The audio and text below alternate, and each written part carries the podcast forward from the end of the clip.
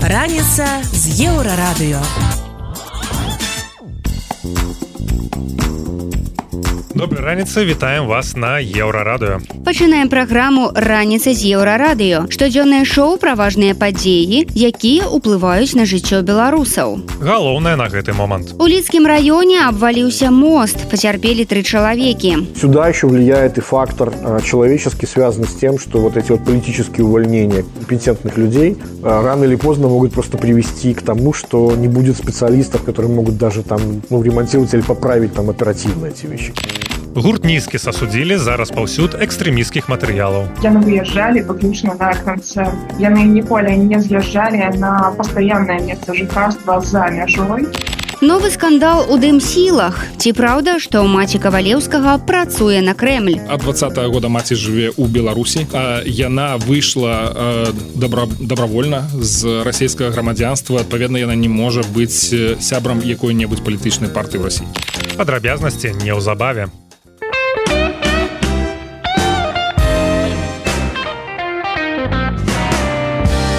Еўрарадыё.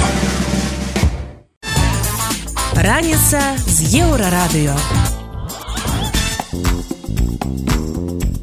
Новы тыдзень у Беларусі распачаўся з падзення моста. У лідскім раёне пры дэмантажы адбылося абвальванне канструкцыі пуцепровода. Сам мост быў зачынены, але ў выніку пацярпелі трое рабочых. Двое з іх знаходзяцца ў рэанімацыі. Таксама ў шпіталь дастаўлены кіроўцам, які разам з экскалатарам упаў у ваду. Ён сам пакінуў кабіну, пасля чаго яму дапамаглі ратаўнікі. Прычына абвальвання канструкцыі пакуль высвятляюцца. Вядома, што мост, якому было больш за 60 гадоў, дэмантавалі праз непатрэбнасць. Замест яго летась праз нёман была пабудаваная новая пераправа. Аднак падзенне мастоў стала трэндам у апошнія гады. Роўна год таму 8 студзеня мост абваліўся на нямізе. Вінаватых тады не знайшлі. Хіба што акрамя адказных чыноўнікаў і працоўных, на якіх распачалі крымінальную справу. Што ўвогуле адбываецца з мастамі ў краіне і чаму яны падаюць? Сваімі думкамі дзеліцца эканаміст Сергей Чалы. Не первый уже мост, который на самом деле обрушался да, за последние годы в Беларуси. Да, это были знаменитые э, вещи в Житковичах, Борисове, там, на МКАДе были. То есть причина, по большому счету, она одна.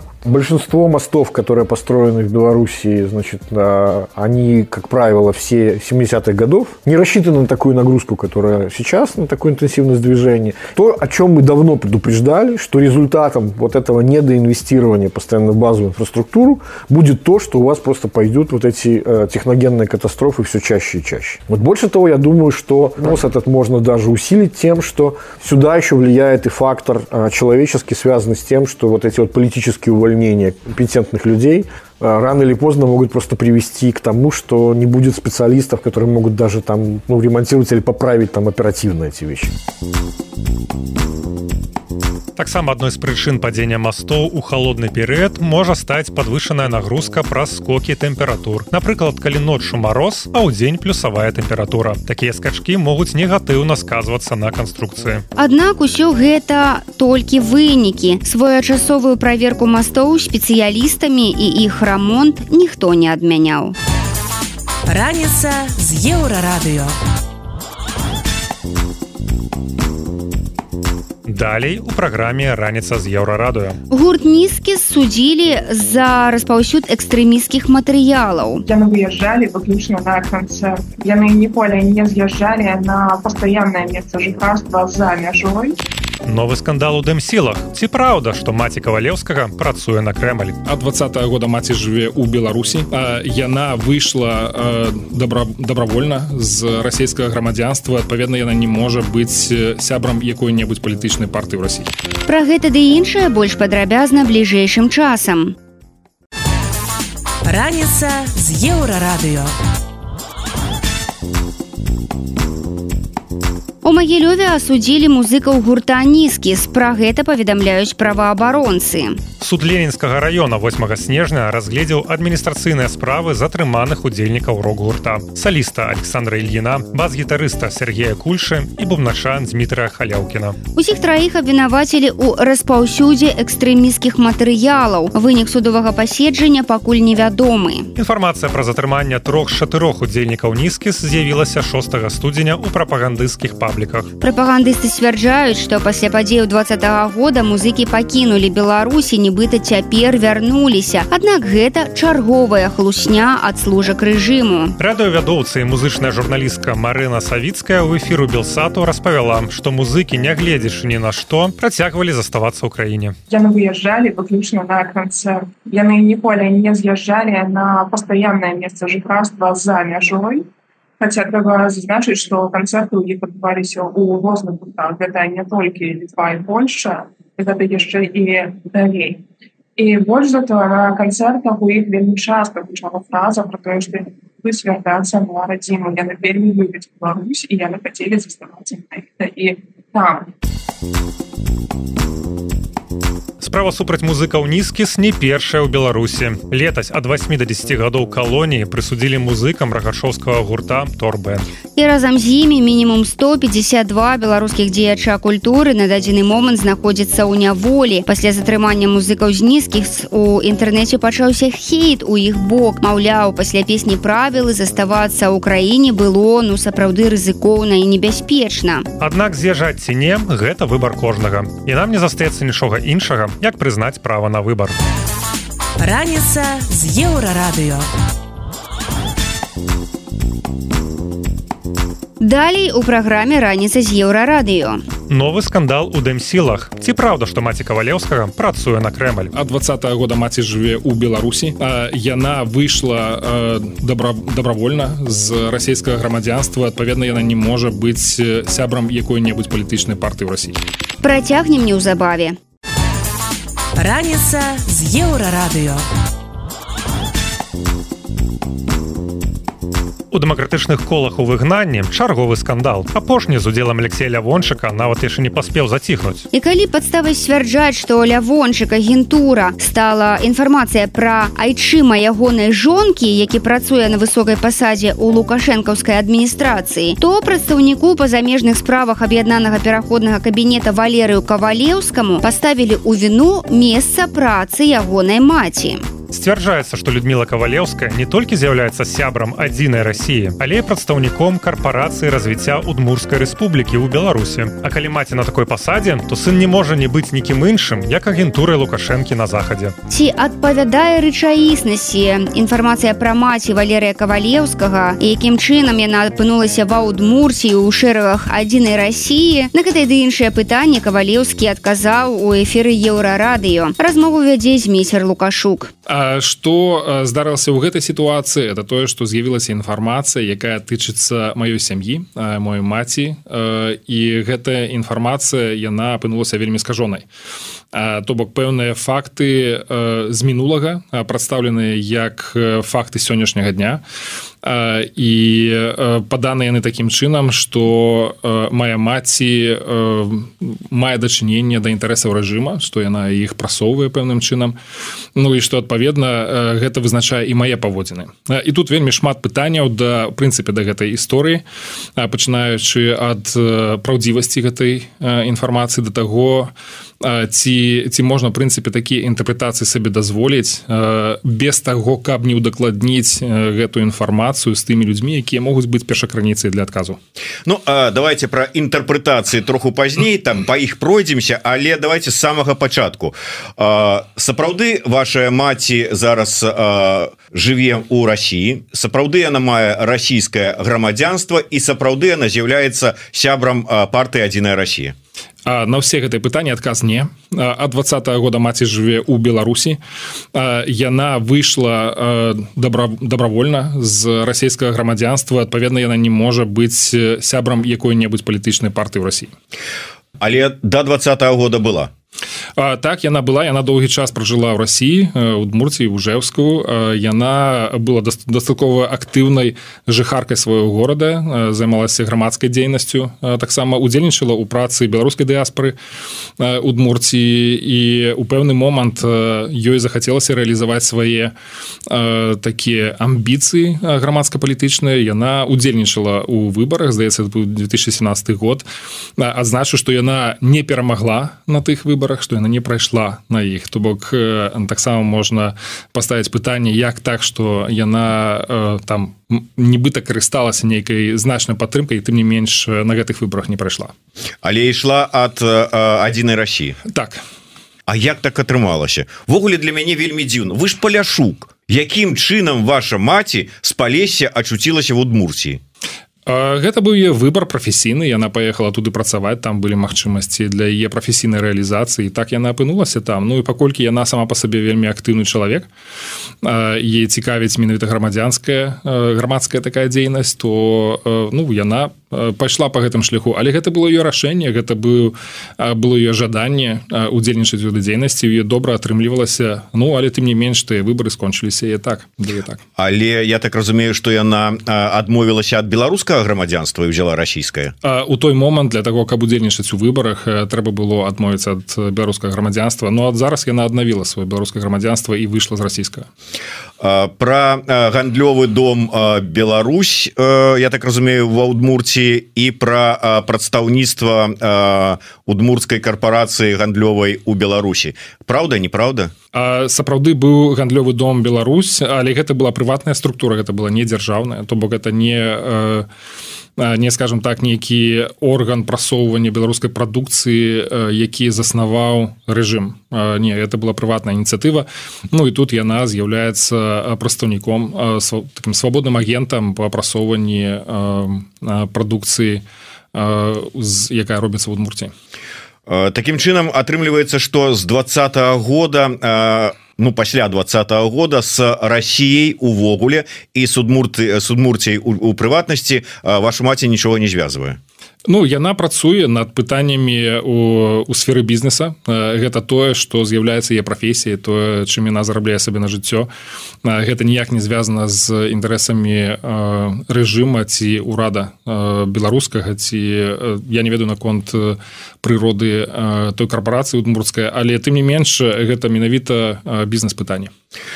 Былі ўсё ж таки шмат ну как бы намёкаў на тое то і тут вот дарэчы по параллелі у вашай сітуацыі сітуацыі с Алексеем лявончыкам дзе нібыта там неродны бацька яго жонкі працуе ў нейкіх лукашэнкаўскіх структурах і таму логіка незразумелая але ўсё ж таки а можа і зразумелая. Ён ну не можа быць как бы незалежным ад лукашэнка структур так і вы. Атрымліваецца раз маці была у Росіі была прадстаўніцай там нейкіх там партый про путинскіх і гэтак далей то і вы нейкім чынам залежныя альбо ад крамля альбо ад мінска Да сапраўды. І скажу што аўтары гэтых публікацый прыходят да такой высновы вельмі лёгка і проста. У іх адразу выбудоўваецца такая наўпроставая сувязь што нібыта я падкантрольны нейкім чынам маці што мы адзін аднаго падтрымліваем гэтых пытаннях і і раемся адзін з адным.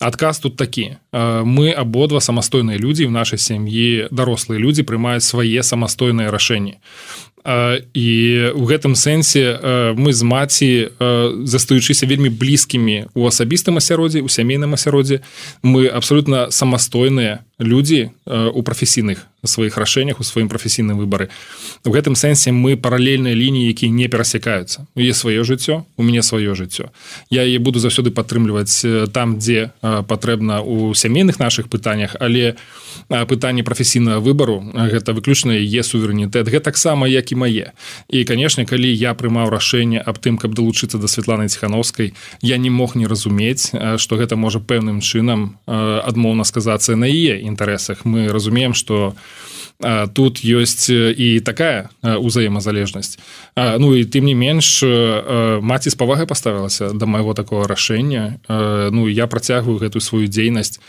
разумеючы что я это стварае для яе пэўнай рызыкі. І я бачу что ёсць пэўны ціск былі падыходы ад з боку рэжыма КГБ таксама кватэра маці стала аб'ектам рэйду які вось тады адбываўся восенню гэтага года мінулого года.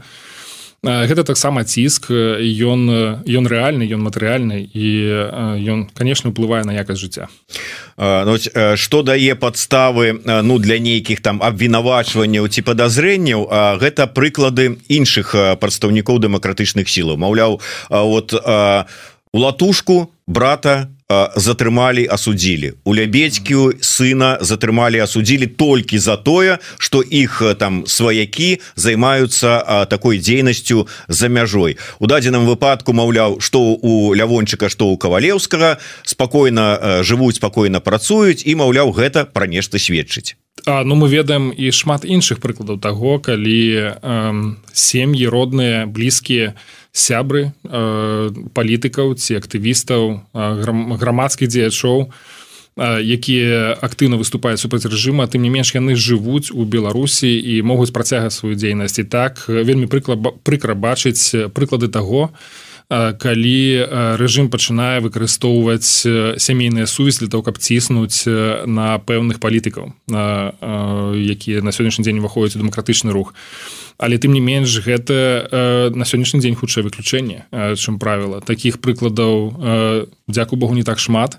Э, але тым не менш мы разумеем что ўсё гэта стварае пэўныя рызыкі. Я могу сказаць что вось гэтая серыя публікацый ужо некалькі дзён якая ідзе э, у медыа э, не ў медыа насамрэч а ў тэлеграм-каналах пэўных людзей. то яна таксама вельмі безадказная Таму што яна выставляе у гэтым выпадку маю маці у вельмі складанай сітуацыі і яна стварае новыя рызыкі і новыя магчымасці для ціску на яе.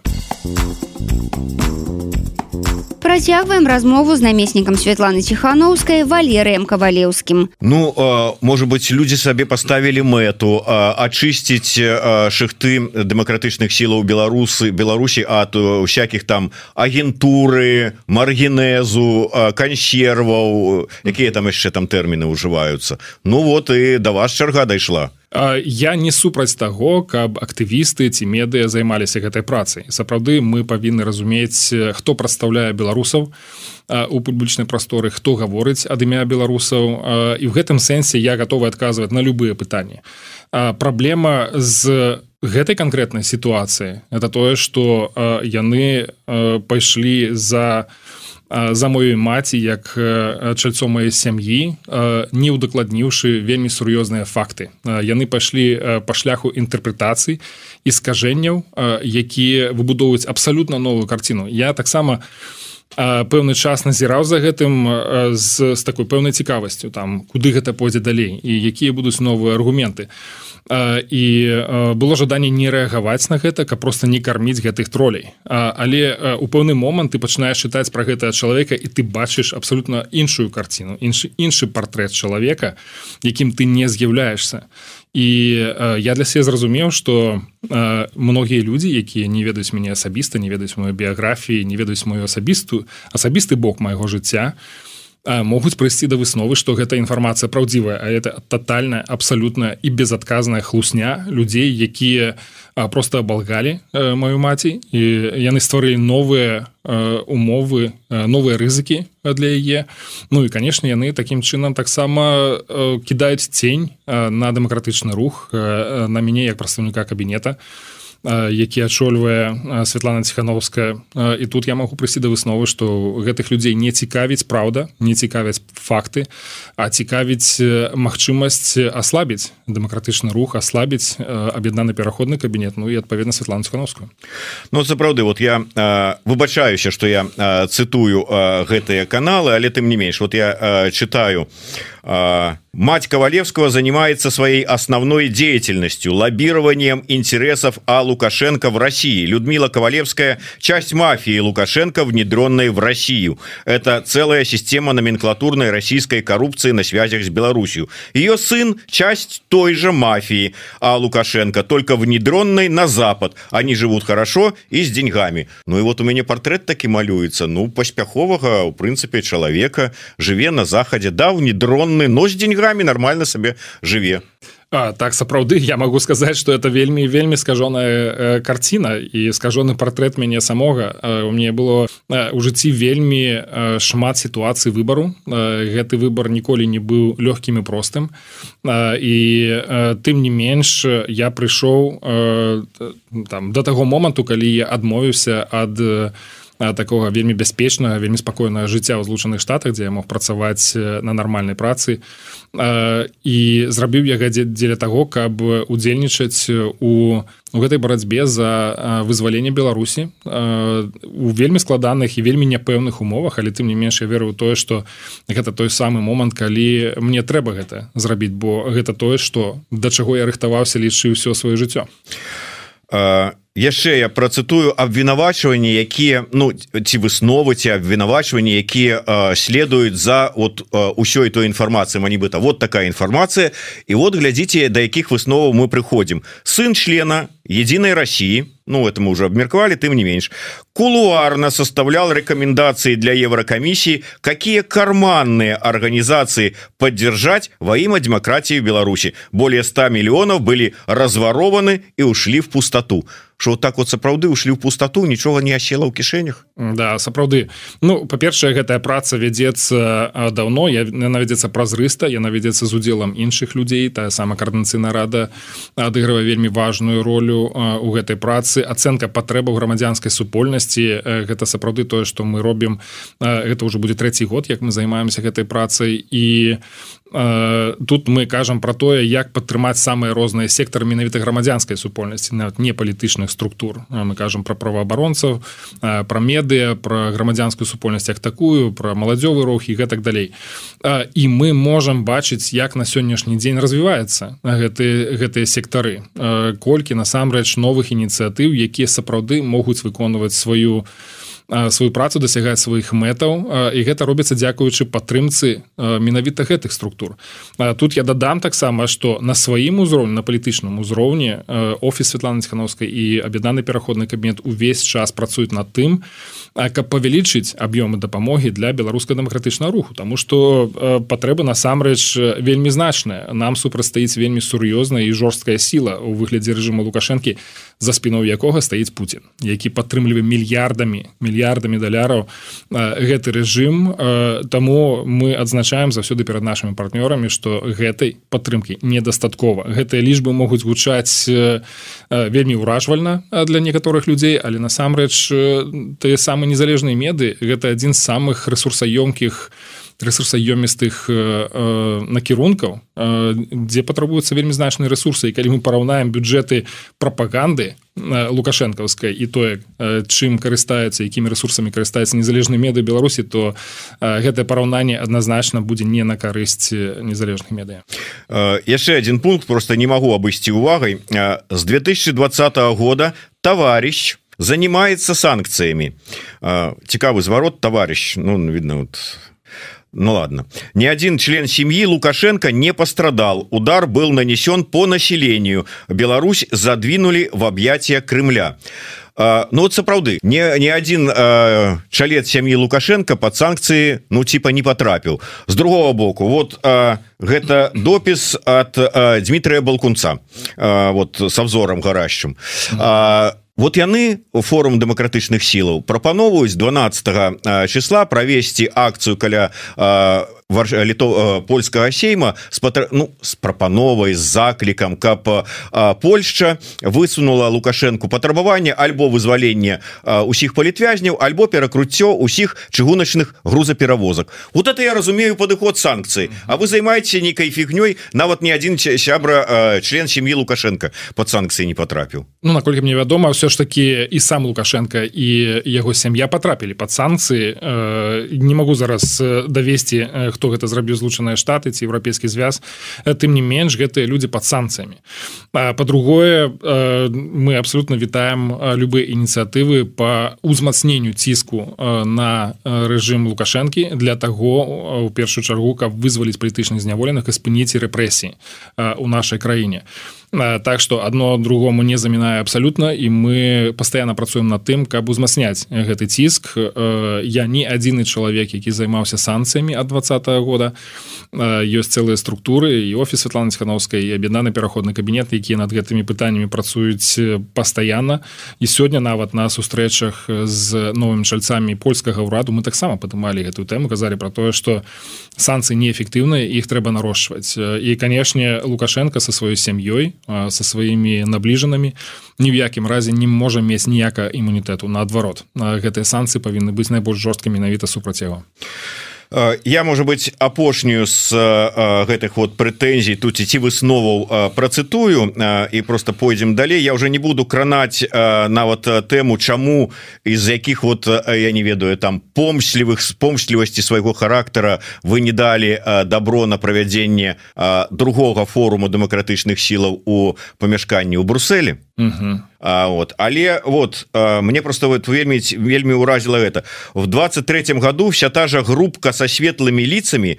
собирается а, наладить продажу сувенирных паспортов колькі плануеце зарабіць на продажы сувенірных пашпарт мы хотели б каб гэты проект быў вельмі паспяховым каб сапраўды сотні і мільён сотні тысяч мільёны беларусаў прыйшлі за гэтым пашпартам і каб сапраўды яны ім карысталіся і для практычных мэтаў не толькі як сімвал не толькі як сувенір як як тут адзначана калі гэты пашпарт сапраўды будзе вырашаць праблему беларуса тады беларусы будуць за ім звяртацца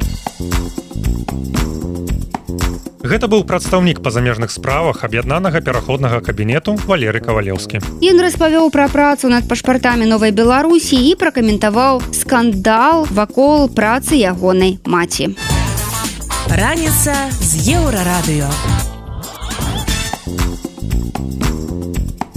Далей у праграме раніца з еўрарадыё. Маразы адступяць, але вернуцца ізноў. Едва ожидается холодным.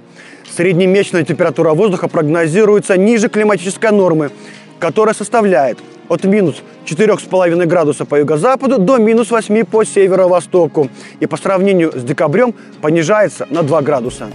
У белорусских лекарнях не хапая донорской крови. Необходимо оформить э, выписку из медицинской документации о состоянии здоровья у терапевта, прийти в центр для регистрации и сдачи крови. Пра гэта ды іншае больш падрабязна бліжэйшым часам. Раніца з еўрарадыё.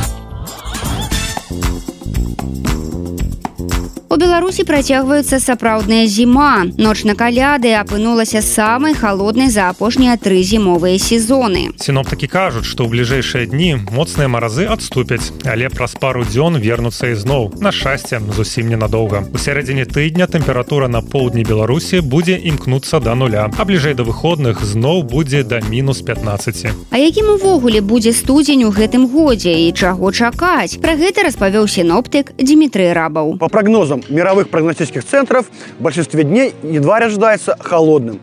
Среднемесячная температура воздуха прогнозируется ниже климатической нормы, которая составляет от минус 4,5 градуса по юго-западу до минус 8 по северо-востоку и по сравнению с декабрем понижается на 2 градуса. Однако январь в этом году обещает быть снежным.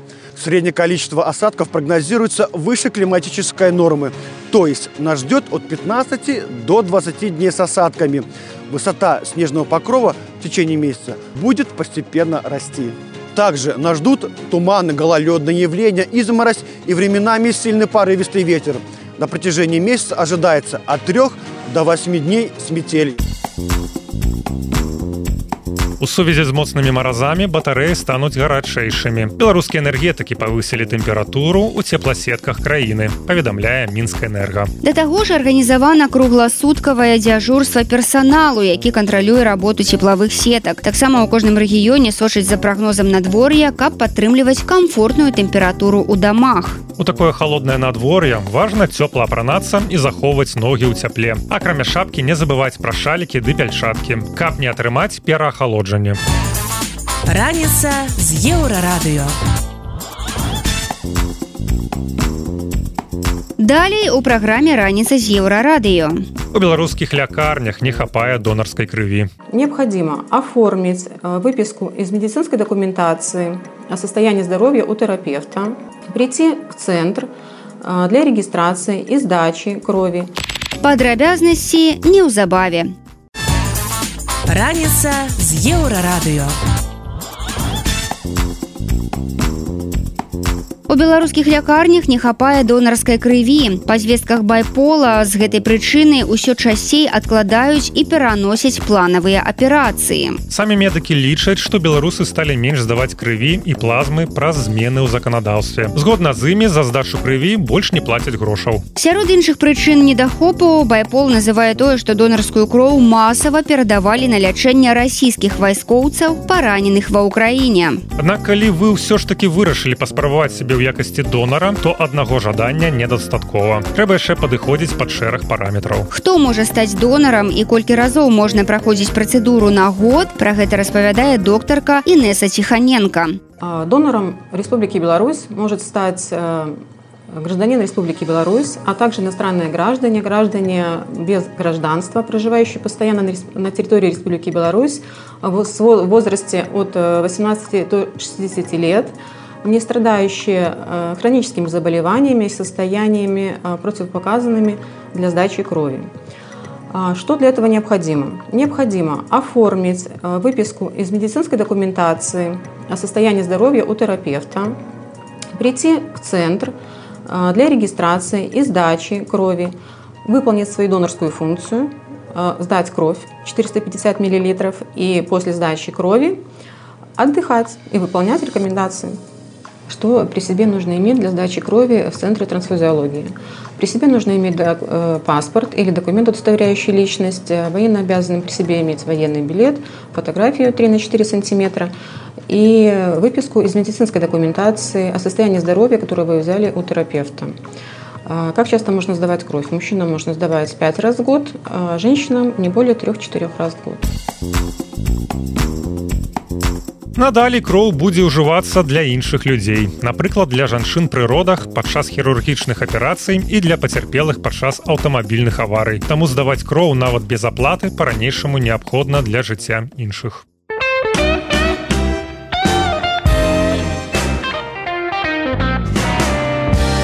Еўрарадыё. Раніца з еўрарадыё хутка працягнецца. Вас чакае яшчэ шмат цікавага, не пераключайцеся. Раніца з еўрарадыё. Вяртаемся на еўрарадыё і працягваем ранішні эфір. Вы па-ранейшаму слухаеце раніцу з еўрарадыё. Інфармацыйнае шоу пра важныя падзеі, якімі жывуць беларусы і іншы свет. І вось што цікавага мы распавядзем далей. Навошта рэжыму завочныя суды і калі ўжо адчыняць мяжу Беларусі і Еўросаюза. Как долго это может продолжаться, к большому сожалению, прогнозировать достаточно сложно. Чаму спявачка Маргарыта Ляўчук страціла сэнс у опернай працы. Я хочу працаваць на сваю краіну на новую Беларусь і хочу каб не толькі у мяне заставаўся цвярозы розум Для чаго Лукашенко прыняў закон аб гарантыях для былых прэзідэнтаў. І пакуль ён будзе ў стане хадзіць на сваіх нагах. Пра гэта ды іншае больш падрабязна цягам бліжэйшай гадзіны.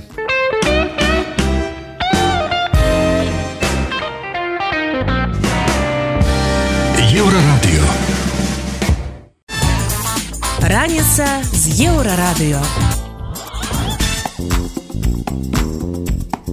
Вось ужо тры з паловай гады Лукашенко як мантру паўтарае, што дэмакратычныя сілы ў выгнанні нічога не вартыя і не маюць сілы ў Беларусі, але іх існаванне яго насамрэч пужае. Няўпэўненасць цяперашняга кіраўніка дэманструюць бясконцы пераслед нелаяльных рэжыму беларусаў і працэдура завочных судоў, калі супраць людзей заводзяць сфабрыкаваныя справы, парушаючы юрыдычную працэдуру. Так лукашэнкаўскі суд завочна асудзіў палітыка Паўла Латушку Лукашэнку на 18 гадоў зняволення Святлану ціхановскую на 15 а рэстаратары палітык Вадзім пракоп'яў дык увогуле атрымаў два выракі агулам на 50 гадоў зняволення. Ці ёсць сэнс у завочных судах? На гэтае пытанне выданню маланка адказвае аналітыкі намеснік кіраўніка народнага антыкрызіснага ўправлення Артём брухан. Что касается э, для чего вообще эти заочные суды этот инструмент применяется я бы рассматривал с трех точек зрения. Э, первая точка зрения это политическая психология диктатора. Ну давайте посмотрим с этой точки зрения. Просто банальная месть и боль э, за 20 год. То есть ему действительно события 20 -го года нанесли серьезнейшую психологическую травму. И вот с точки зрения политической психологии он хочет отомстить тем людям которые по его мнению этот 20 год организовали руководили всеми этими процессами.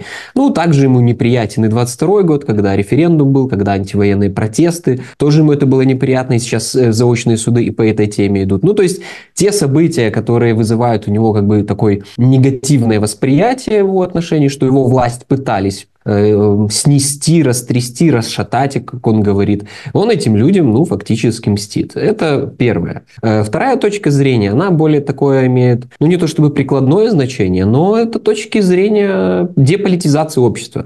Главной целью режима Лукашенко э, было всегда деполитизировать белорусское общество. В Беларуси, внутри страны он это делал, ну, с помощью дубинок, с помощью репрессий, дубинок, насилия, сроков тюремных заключений. Но теперь он пытается деполитизировать уже выехавших белорусов, которые в большом количестве составляют определенную какую-то силу, как диаспора, как активисты за рубежом, которые не останавливаются. И этих людей тоже надо деполитизировать. И что он делает? Он проводит эти заочные суды, а по итогам этих заочных судов людей начинают лишать имущества. То есть каждый человек, который планирует, думает тем, чтобы заниматься каким-то активизмом за рубежом, он теперь думает, мне надо сначала разобраться с вопросами имущественными, вывести родственников.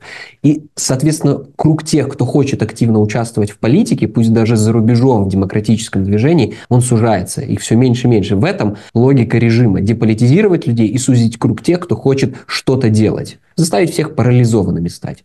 И не давать э, вырастать из демократической оппозиции каких-то появления новых лидеров, которые будут снова говорить то, что э, будет пытаться нанести урон режиму Лукашенко. То есть эта ситуация будет продолжаться. Э, в Координационный совет э, выборы, были до этого обыски, были до этого заведены уголовные дела, там тоже достаточно большие сроки могут по этим делам, до, до 15 лет в некоторых случаях. Э, соответственно, Соответственно, те, кто захотят идти сейчас на выборы в Координационный совет, они тоже будут задумываться. Ну, наверное, сначала надо свою собственность продать, еще что-то. То есть это, ну, как бы такая долгоиграющая э, политическая игра в борьбе с выехавшей диаспорой, с выехавшими активистами. Ну и третье, многие аналитики, может быть, видели, слышали, дают комментарии относительно того, что Лукашенко думает о транзите власти. Ну, после сегодняшнего его заявления о том, что я планирую оставаться президентом, при нынешнем нынешний президент планирует быть дальше президентом. Можно, конечно, скептически относиться к контексту транзита, но так или иначе такое мнение существует. И вот говоря о транзите, вполне логично, что он как диктатор, как любой диктатор хочет оставить после себя какое-то наследие.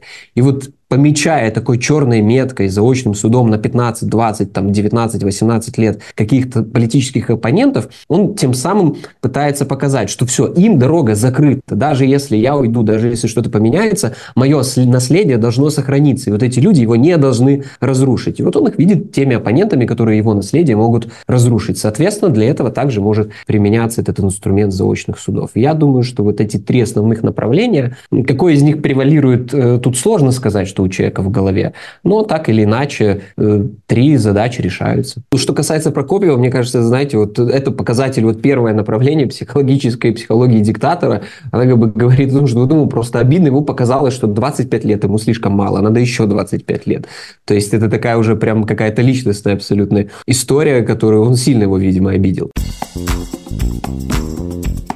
Але завочныя суды гэта не галоўная праблема беларусаў. Куды больш іх турбуе адсутнасць магчымасці без перашкод ездзіць за мяжу. Цягнікі ў Еўропу ўсё яшчэ не ходзяць а самалёты не лётаюць. Але большасць памежных пераходаў для прыватнага транспарту у Польшу літву і Латвію зачыненыя. Калі памежныя абмежаванні ўрэшце рэшт адменяць. Уласны прагноз дае палітолог Анатоль котаў. Первое что нужно понимать что сейчас граница находится в таком полузакрытом состоянии состоянии, и это полузакрытое состояние наверное, самое неправильное из того, что можно было бы выбрать. Почему? Потому что закрыто практически э, даже больше половины пунктов пропуска на э, внешней границе с Беларусью. Украина закрыта полностью, за исключением одного. А Литва, Латвия, Польша э, закрыли точно больше половины действующих пунктов пропуска. Но все это закрытие, несмотря на то, что преподносится как э, две основных э, причины есть для того, чтобы закрывать пункты пропуска. Это вопрос национальной безопасности, то есть это предотвращение нелегальной миграции э, и борьба с контрабандой, предотвращение потоков контрабанды, которые из Беларуси регулярно направляются в страны Европейского Союза, оно не совсем, в общем-то, логично. Почему? Потому что закрыты в основном именно э, пункты пропуска, в которых осуществлялось э, пассажирское движение, то бишь э, больше ограничили э, передвижение людей, чем передвижение товаров. Э, на мой взгляд, если бы была истинная цель э, серьезно надавить на режим, э, в том числе там, сократить потоки контрабанды, то ну, действия должны были бы быть несколько иные. Это ограничение транзита товаров, в первую очередь железнодорожного а транзита, который, в общем-то, функционирует как в докризисные, доковидные, дореволюционные времена, практически без изменений. И достаточно серьезная открытость, конечно, по мере, наверное, возможностей системы национальной безопасности, открытость для людей, которые уезжают из э, Беларуси. Соответственно, наверное, правильно было бы, исходя из такого подхода, действительно ограничить железнодорожный транзит и вполне возможно открыть железнодорожное сообщение пассажирское которая закрыта с 2020 года по ковидным ограничениям, которые, естественно, сейчас, в общем-то, не являются релевантными. А Поэтому вот такое полузакрытое состояние границ, оно неправильное с точки зрения достижения поставленных а, декларируемых целей, но, наверное, есть какие-то другие соображения у стран Европейского Союза, чем а, серьезное давление на режим Лукашенко и а, помощь хотя бы через мобильность э, белорусскому гражданскому обществу. Что ждать в 2024 году? Ну, исходя из, опять-таки, вот такого не совсем правильного состояния, скорее всего, оно сохранится. Почему? Потому что ну, позитивных изменений э, ожидать э, в плане э, изменения модели поведения режима Лукашенко очень сложно. Вполне возможно, будут какие-то локальные небольшие торги вокруг открытия или закрытия того или иного пункта пропуска. Наверное, здесь даже больше релевантна будет ситуация с Польшей, потому что именно на польском направлении закрыто большее количество пунктов пропуска, через которые осуществляется автодорожный транзит и автодорожное пассажирское сообщение. Соответственно, здесь больше а, инструментов а, для торга и рычагов а, давления. Если же, если же случится нечто непоправимое практически на это увеличение потока нелегальных мигрантов. А, это, не дай бог, опять-таки, более полное вовлечение белорусского режима в войну против Украины, то будет закрыто абсолютно все. А, механизмы, тактика да, а, странами, соседями с Беларусью, они согласованы, они оговорены, они прописаны на бумаге фактически любое недружественное действие на границе, которое, скажем так, э, невозможно не заметить, да, потому что ну, с контрабандой борется, она идет. Э, ну, в общем-то, это вопросы, которые не лежат на поверхности, за исключением тех случаев, когда, наверное, там, журналисты, расследователи э, останавливают очередную фуру на границе с санкционным товаром и заставляют власти той или иной страны реагировать на то, что у вас тут под носом злодейство происходит. То, наверное, как бы вот э, ничего сильно не изменится. К факторам, которые сложно скрыть, это миграция, это обострение какой-то конфликт на границе, это более полное вовлечение белорусского режима в войну против Украины.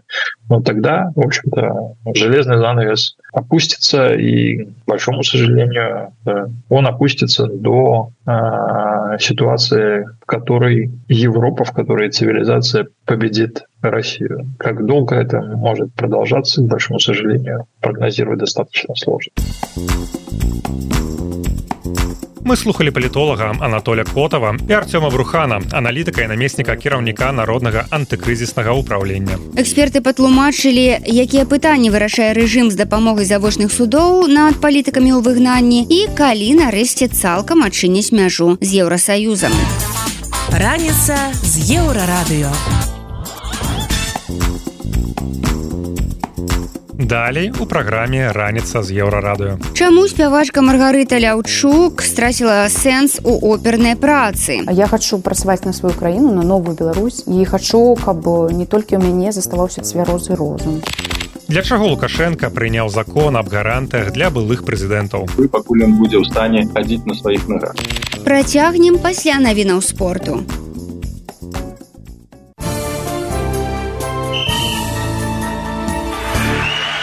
На еўрарадыё навіны спорту. У абноўленым рэйтынгу жаночай тэніснай асацыяцыі Арына Сабаленко другая, Вікторыя Азаренко 22. Першай ракеткай свету па-ранейшаму з'яўляецца і гасвёнтак з Польшчы. На трэцяе месца паднялася Алена Рыбакіна з Казахстана, якая ў фінале турніру Брызбене разграміла Сабаленко. У тэнісістаў прафесіяналаў лідырае серп Новак Джокавіч. Беларусы Ля Івашка на 182 месцы.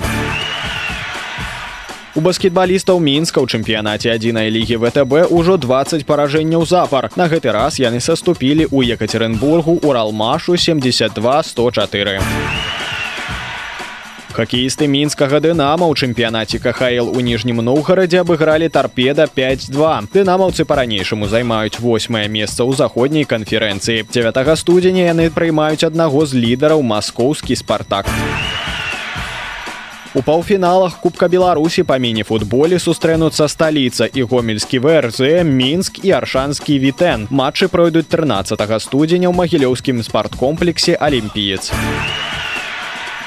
Па выніках галасавання спартыўных журналістаў краіны абралі найлепшы гол беларускага футбольнага чэмпіянату. Яго аўтарам з'яўляецца ўжо былы паўабаронца слуцка Дмітрый гірс. Ён вызначыўся ў матчы з наваполацкім нафтанам, калі здзейсніў сольны праход са сваёй паловы поля і трапна ударыў. Гэта былі навіны спорту, заставайцеся на еўрарадыё. Раніца з еўрарадыё. Да 2020 года кар'ера беларускай опернай спявачкі Маргарыты Ляўчук ішла па ўзыходзячай канцэрты ўзнагароды афіцыйныя прыёмы.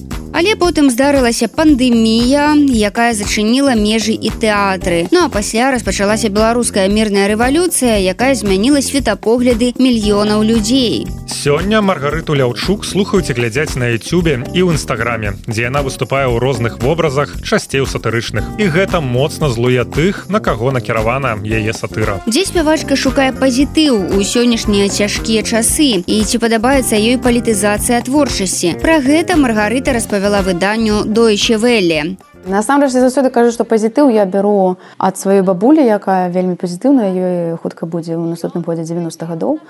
Яна вельмі пазітыўная. Ну то бок, напрыклад, яна зламала руку і такая так дзякую Богу, што не правую, я хоць лыжку магу трымаць. Разумець ну і так вот просто ва ўсім.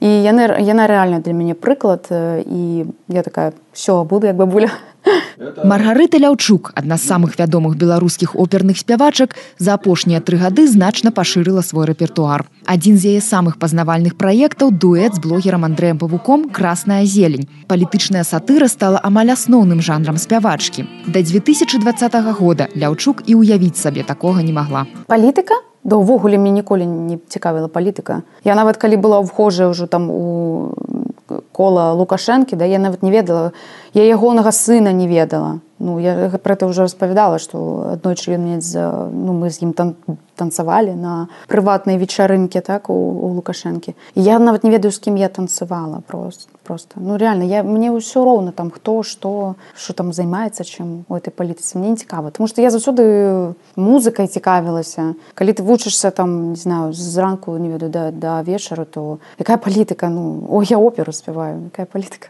Не, а потым конечно у двадцатым ну, там там уже хочаш не хочаш хоцькі не хоцькі як беларусы кажуць. Уже палітыка табе цябе закранула і а я не магу маўчаць. Я такая што я скажу я не буду маўчаць. Калі б усе былі такія было б круто канешне. У 2020 годзе маргарыта стала адказнай за пытанні культуры і нацыянальнай спадчыны унау але прабыла на гэтай пасадзе ўсяго некалькі месяцаў спявачка прызнаецца што хоць і займаецца палітычнай сатырай у дзейнасць беларускай пазіцыі моцна не ўнікае Я ўвогуле не ведаю, чым займаецца каардынацыйная рада і хто там уваходзіць і э, чым яна займаецца ўвогуле. Мне не цікава, калі шчыра. Я займаюся сваёй творчасцю. Я просто чытаю навіны. Я, конечно, сябе так абмяжоўваю, так, таму што я не магу чытаць усе навіны, можна ёкнуцца просто ад усіх навін.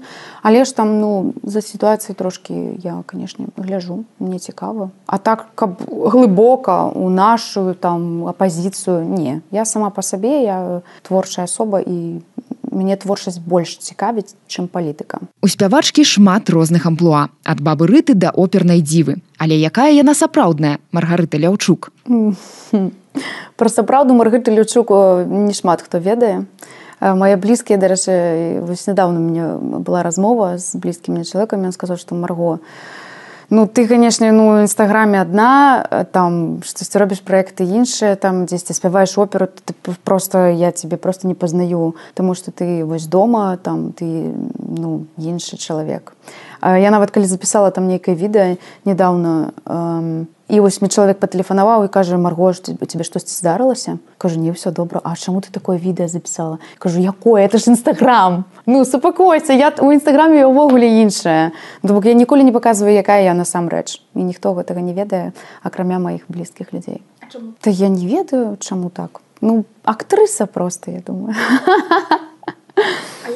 А, я вельмі ціхая я не люблю калі музыка громка дома. Я люблю калі ўсё зашторена ну я вельмі ціхая дома Нягледзячы на амплуа опернай дзівы маргарыта ляўшук прызнаецца што стамілася ад сур'ёзнага акадэмічнага мастацтва. Цяпер яна хоча займацца актывізмам і разнастайнай творчасцю не абмяжоўваючы сябе ні ў чым. Працягваем слухаць размову з маргарытай ляўчук я заўсёды казаў што я не люблю оперу. Я оперна піца я не люблю оперу да. А, і мне бы заўсёды хацелось бы каб опера просто была як хобі ў мяне і зараз я да гэтага прыйшла. Мне вельмі это падабаецца тому что ну я магу спяваць калі я захачу. І гэта няма такого что я зранку да вечару павінна быць оперным тэатры і сядзець спяваць оперу. Не. Я б мне я б'ёкнулась просто.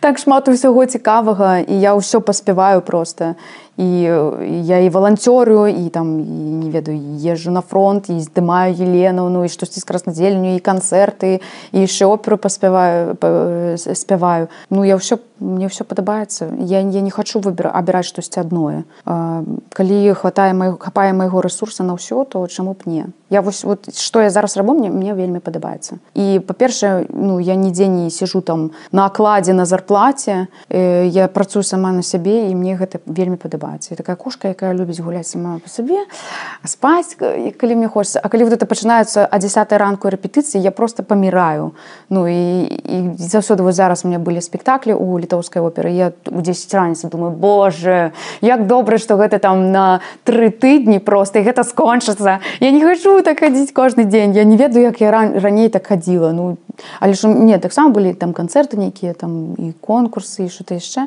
Але ж вось зараз мне вельмі падабаецца. Я не хочу займацца э, операй тому что я тады страчу увогуле сувязь з беларусю я хочу працаваць на сваю краіну на новую Беларусь і хочу каб не толькі ў мяне заставаўся цвярозы розум а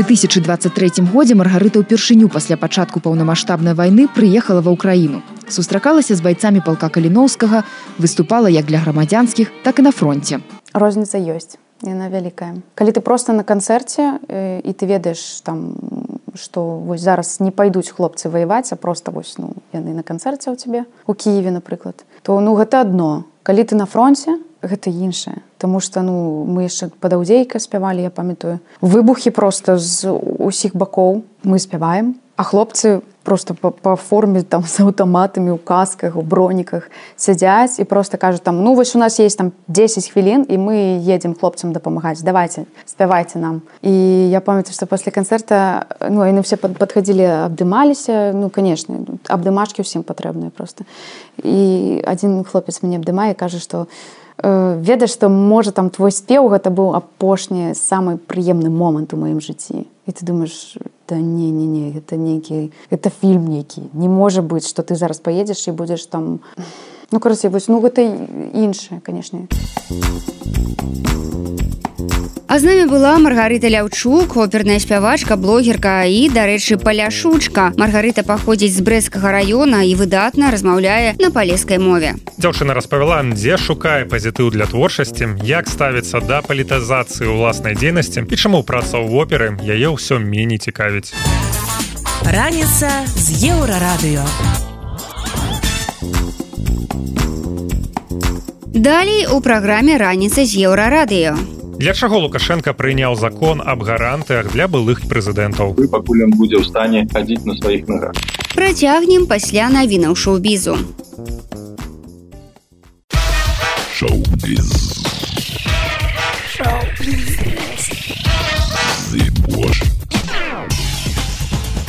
Навіны шоу-бізу на еўрарадыё. У Беларусі затрымалі удзельнікаў вядомага гурта нізкі пра гэта ў суботу паведамілі прапагандысцкія тэлеграм-каналы. Сярод затрыманых вакаліст Александр Ільін басіст Сергій кульша і бубнач зміцер халяўкін. Удзельнікі гурта не пакідалі Беларусь пасля 2020 года паведамляюць праваабаронцы вясны. Прапагандысты ж сцвярджалі адваротнае. Музыкі працягвалі жыць у Беларусі часам выязджаючы з канцэртамі ў іншыя краіны. Песня нізкі справілы стала адным з сімвалаў пратэсту ў двадцатым годзе годзе яна была выдалена з YouTube блокбастер баёпік крыстафера нолана опенгеймер чакана стаў трыумфатарам 81 залатога глобуса атрымаўшы 5 узнагарод уключаючы лепшы драматычны фільм. А чорная камедыя йорха салантимаса бедныя няшчасныя абышла стужку барбі у катэгорыі лепшая камедыя нолад забраў узнагароду за лепшага рэжысёра а выканаўца галоўнай ролі кіліан мёрфі быў прызнаны лепшым драматычным акцёрам. Фільм бедыя няшчасныя што атрымаў летась галоўную узнагароду венецыянскага кінафестывалю акрамя перамогі ў катэгорыі лепшая камедыя або мюзікл узяў таксама залаты глобус у намінацыі лепшая актрыса тут выбар журы спыніўся на эмі стоун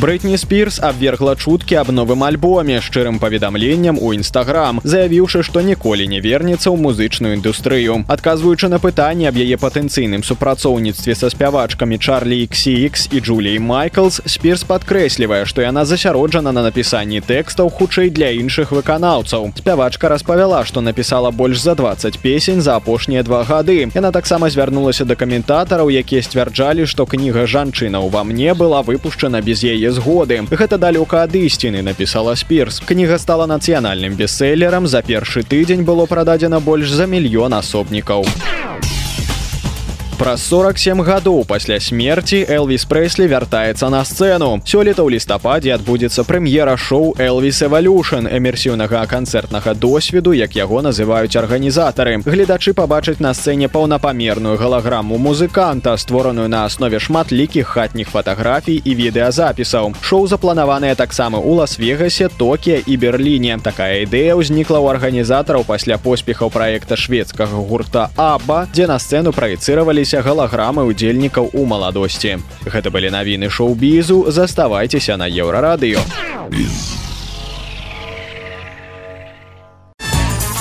Раніца з еўрарадыё. Лукашенко надоечы вярнуў правіла двух прэзідэнцкіх тэрмінаў па 5 гадоў кожны і зацвердзіў гаранты для былых прэзідэнтаў беларусі. У адпаведнасці з дакументам гэта цытата прэзідэнт які пайшоў у адстаўку і чальцы яго сям'і валодаюць недатыкальнасцю спажыццёвай аховай і правам на дзяржаўную нерухомасць канец цытаты. Что гэта?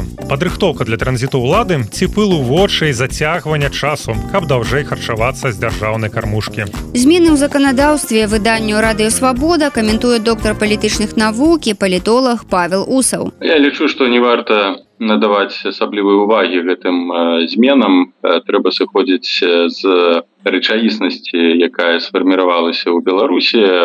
Рэчаіснасць яна наступная сістэма якая ўжо фактычна сфарміравалася ў беларусі ў 2020 пасля 2020 году гарантуе тое что лукашенко застанецца пры ўладзе до конца свайго жыцця ці прынамсі да того моманту пакуль ён псіхалагічна фізычная у стане кантраляваць палітычныя працэсы ў беларусі і прымаць рашэнне усе гэтыя законы у косках ці папраўку папраўкі ў канстытуцыі яны не маюць ніякага сутнаснага значэння не для беларусі не асабліва для самога лукашенко не для беларускага грамадства. Бо адзінай гаранты для персанальны для лукашенко і для яго бліжайшага атачэння за ўсё для ягонай сям'і з'яўляецца ўлада і падзеі перш за ўсё на постсавецкай прасторы напрыклад той же Казахстан ці у іншых краінах показалі вельмі важныя два аспекты першае что як толькі дыктатор ці персона першая сыходзіць ад улады ён траціць усё губляе і фактычна губляе сваё жыццё. Это прыклад Казахстан Павел добра что вы узгадалі про Казахстан тому что калі там пачынаўся транзит улады які фактычна завершыўся Назарбаев не з'яўляецца ўжо фактычна нікім у гэтай краіне тады лукашенко сустракаючыся з ім казаў аб тым что о вось Казахстан гэта вельмі добры узор для нас нам трэба прыгледзецца да вас падумаць і у той жа час у мінулым годзе калі мянялася канстытуцыя беларусі было ўведзенае гэтае правіла двух прэзідэнцкіх тэрмінаў якое было скасаванае зноў жа лукашэнкам праз рэферэндум у 2000 здаецца чацвёртым годзе цяпер яно вернутае. Тады навошта гэта ўсё рабіць калі няма э, сапраўдных мэтаў праводзіць некага транзіту? Давайте тады пачнем з Казахстану. У Казахстане адбылася вось гэтая ператасоўка ўлады з прычыны того что фізычна Назарбай ужо быў не ў стане выконваць нейкія функцыянальныя абавязкі прэзідэнта. Хотя ён по новой канстытуцыі паправках так званым законе про першага прэзідэнта перахапіў усю э, фактычна выканаўчую уладу і уладу звязаныя з аховай бяспекі ён стаў скажем кіраўніком кіраўніком рады бяспекі і фактычна прыймаў ключовыя рашэнні звязаныя з прызначэннямі ва ўрад прызначэннямі сілавікоў гэтак далей другая прычына чаму так адбылося ў Казахстане гэта адсутнасць непасрэднага спадкаемцы пераемніка якім мог быць асабліва для азіяцкіх краінаў ці для персаналістычных дыктатур з'яўляецца сын. У назарбаева такой магчымасці не было не было сыноў былі дочки дачки ну і былі там пляменнікі якія фактычна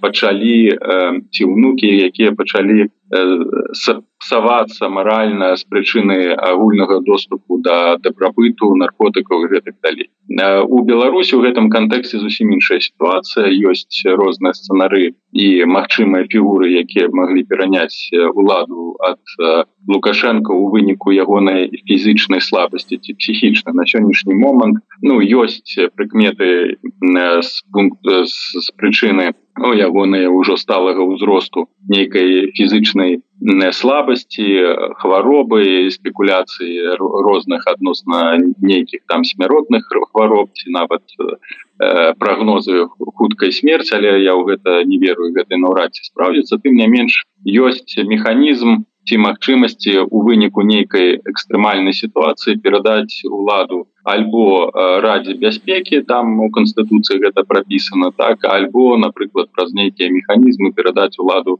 на бліжэйшаму свайму атачэнню напрыклад Віктору лукашенко які не сышоў з палітычнай арэне не гледзь не гледзячы на тое что зараз знаходзіцца у у тені без адказу застаецца важное пытанне. Навошта лукашэнку цяпер усе гэтыя гаранты? Калі ўсім відавочна што он не хоча сыходзіць з пасады прэзідэнта краіны. Бо гэта ж стварае падставу для няўпэўненасці рэжымнай бюракратыі бо гэта стварае падставу для няўпэўненасці рэжымнай бюракратыі і правакуе патэнцыйныя канфлікты паміж рознымі групоўкамі якія яшчэ болей аслабляюць рэжым працягвае павел усаў. Справа тым что гэта папраўкі былі ўнесены ў канстытуцыю так? І толькі зараз з'яўляецца закон які пашырае ці тлумачыць чым ёсць гэтыя гаранты.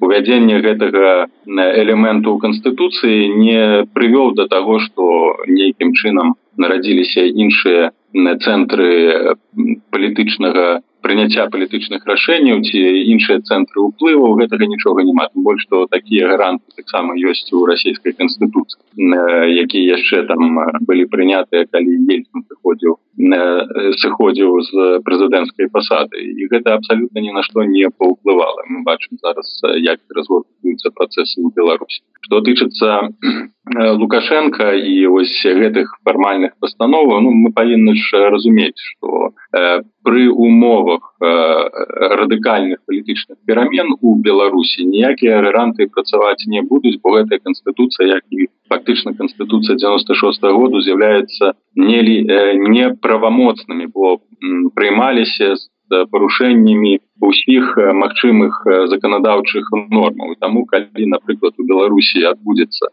рэвалюцыя то гэтыя э, папраўкі ці дэкрэты лукашенко ніякай эмоцыі мець не будуць і ніхто напрыклад калі дэмакратычныя сілы прыходзяць да ўлады ніхто даваць не будзе.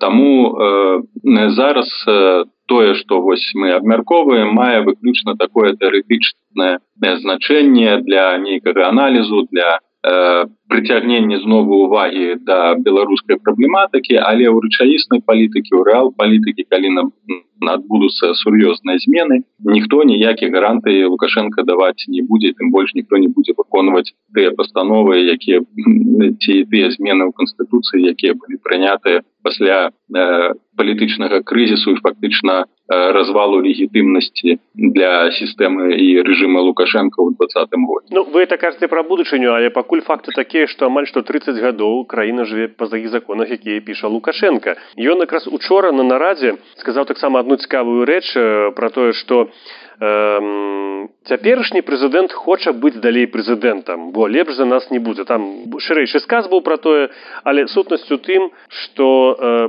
по вялікім рахунку лукашенко заявіў что як бы ён пойдзе далей э, у так званые прэзідэнты на выборы хотя еще там два гады таму ці тры уже э, калі стракаўся з рабочымі ў першыя дні пасля прэзідэнцкіх выбораў сказаў что уже больше не пойдзе на прэзідэнцкі тэрміны некія і як вы самі думаете навошта гэтая фраза была учора сказана бо по вялікім рахунку гэта такая першая за апошні час ягоная фраза про свае планы свае намеры. Напрыклад валер крабалевич палітычны гражданнік рады свабода лічыць что фактычна гэтым лук лукашенко пачаў уже выбарчую кампанію. Якімі выборы не былі але по вялікім рахунку ён мусіць да неяк звяртацца да электарату да людзей. Ну з такими фразамі ён звяртаўся до насельніцтва нават спачатку крыціцы двадцатого году. Калі ён быў на заводах і сустракаўся з працоўнымі якія яго абсвіствалі ён сказаў что я сыйду з пасады прэзідэнта толькі тады калі вы мяне заб'еце так, гэта... той же час ён гаварыў про тое что ён не пойдзе на новыя выборы. Э, не так таких э,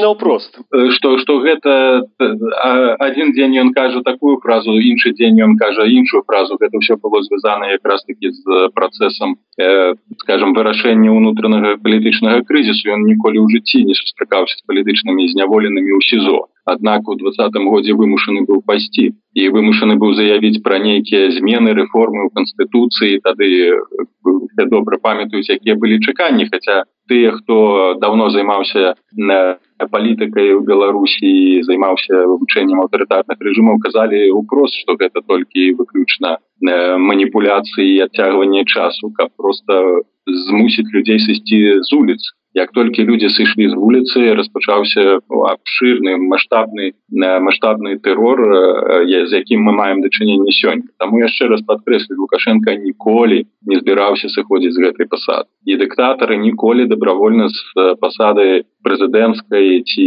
там скажем умоўна браць камуністычныя краіны з пасады там сакратара ЦК КПСС самі ніколі не сыходзілі іх выносілі наперад нагамі таму не трэба пытаць ніякіх ілюзій адносна того что нейкія подпісаныя ім документы сцвярджаюць про нейкі транзит ці умоўную перадачу улады гэтага не будзе пакуль ён будзе жывы пакуль ён будзе ў стане хадзіць на сваіх ногах Мы слухали Паўла Усава, доктара палітычных навук і палітолага. Эксперт растлумачыў, навошта Лукашенко прыняў закон аб гарантах для былых прэзідэнтаў Беларусі. Якія невідавочныя наступствы мае гэтае рашэнне.